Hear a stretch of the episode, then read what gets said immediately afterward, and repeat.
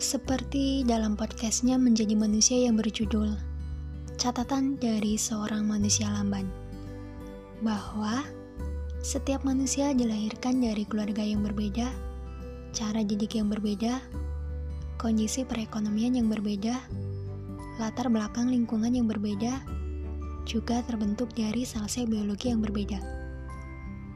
Kondisi fisik yang berbeda serta berjuta-juta faktor lain yang membedakan manusia satu dengan yang lainnya. Jadi, adalah hal wajar jika kita kadang membanding-bandingkan diri sendiri dengan orang lain. Dengan orang yang kita anggap dan pandang memiliki keberuntungan dari segala aspek positif yang dikelilinginya. Namun, dalam situasi ini pun kita sebenarnya dibuat beruntung. Beruntung kalau kita sadar bahwa ada posisi yang membuat kita merasa tidak beruntung. Dengan penuh kesadaran itu, maka akan menjadi kurang baik kalau kita terus merenung dan tidak mau terima.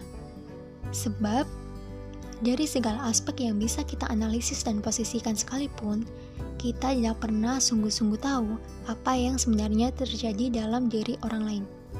Mulai dari apa yang dia rasakan, apa saja yang sudah dilaluinya, hingga hal-hal kasat mata. Sehingga terus-menerus membanding-bandingkan tidak akan merubah keadaan seutuhnya. Paling besar bandingannya hanya akan membuat diri kita semakin merasa kecil, terpuruk, dan tidak berkembang. Untuk itu, atas segala kesadaran itu maka mari melangkah, menata kembali hal-hal yang harus dimulai, beranjak kembali untuk menyiapkan hal-hal yang harus diperbaiki, memeluk diri sendiri karena mau berjalan sejauh ini, mau bertahan sejauh ini, lalu menyemangati diri sendiri bahwa diri sendiri adalah sejati-jatinya teman terbaik perjalanan hidup ini.